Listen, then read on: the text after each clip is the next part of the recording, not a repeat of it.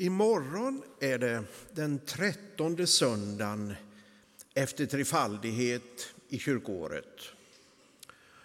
Och då är texterna som man läser i kyrkan samlade under temat medmänniskan.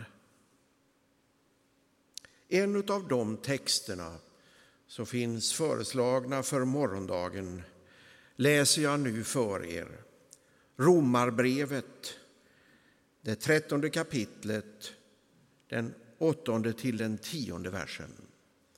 Och det är alltså vår broder Paulus som säger följande. Stå inte i skuld till någon utom i er kärlek till varandra. Ty den som älskar sin medmänniska har uppfyllt lagen. Buden, du skall inte begå äktenskapsbrott, du ska inte dräpa, du ska inte stjäla och du ska inte ha begär och alla andra bud sammanfattas ju i ordet du ska älska din nästa som dig själv. Kärleken vållar inte din nästa något ont. Kärleken är alltså lagen i dess fullhet. I en enda fråga avseende en enda sak menar Paulus att det är tillåtet att leva i skuld. I alla andra saker, alla andra anspråk som kan riktas mot våra liv, i alla sådana ärenden bör vi se till att vi gör upp.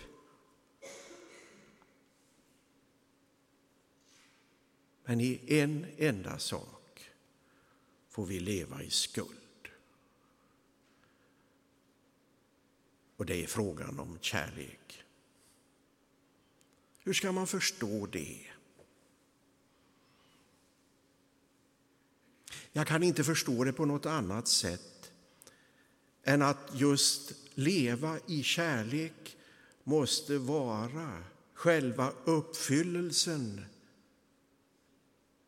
utav det liv som Gud har gett oss. Att hela tiden leva i kärlek, det är det uppdrag som han har gett oss. Och Det måste betyda då att om vi har gjort en kärleksgärning och tycker oss ha uppfyllt något gott så går vi vidare och gör kärleken igen och igen och igen.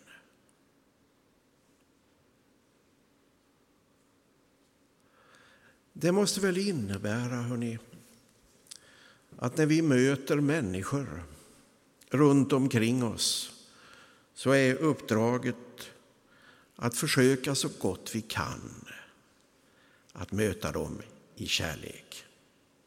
Det är inte alltid lätt. Men det är i alla fall det som är uppdraget. Att försöka att leva så att när vi går och lägger oss om kvällen vi ändå kan säga till oss själva Ja, så gott jag har kunnat har jag mött mina medmänniskor med kärlek.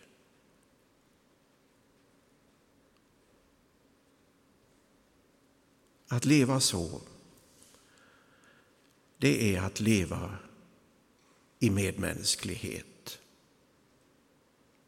Stå inte i skuld till någon,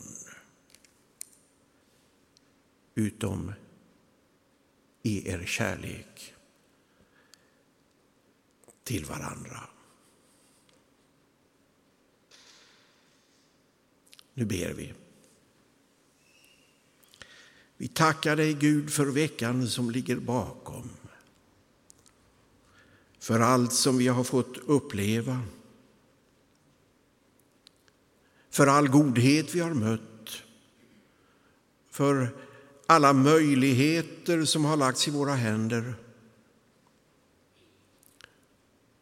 Vi tackar också för de utmaningar vi fick leva med. Kanske växte vi då. I alla fall, Herre, har vi tagit oss till denna lördagskväll och veckan ligger bakom. För nåden och kärleken som du har gett oss tackar vi dig av hela vårt hjärta och ber, Herre.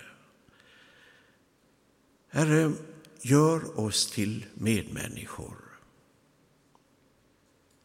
Och när vi möter andra som kommer i vår väg, hjälp oss då att göra vårt bästa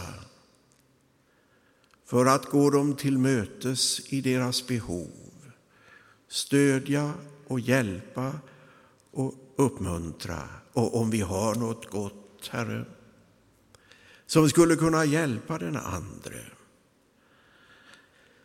gör oss då generösa att ta utav det och ge vidare. Värdes du, Gud, att göra oss till goda människor.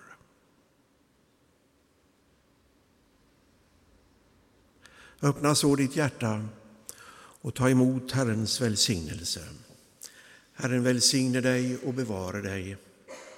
Herren låter sitt ansikte lysa över dig och vare dig nådig. Herren vände sitt ansikte till dig och give dig frid. I Faderns och Sonens och den helige Andes namn. Amen. Nu sjunger vi en aftonsalm tillsammans, nämligen nummer 191.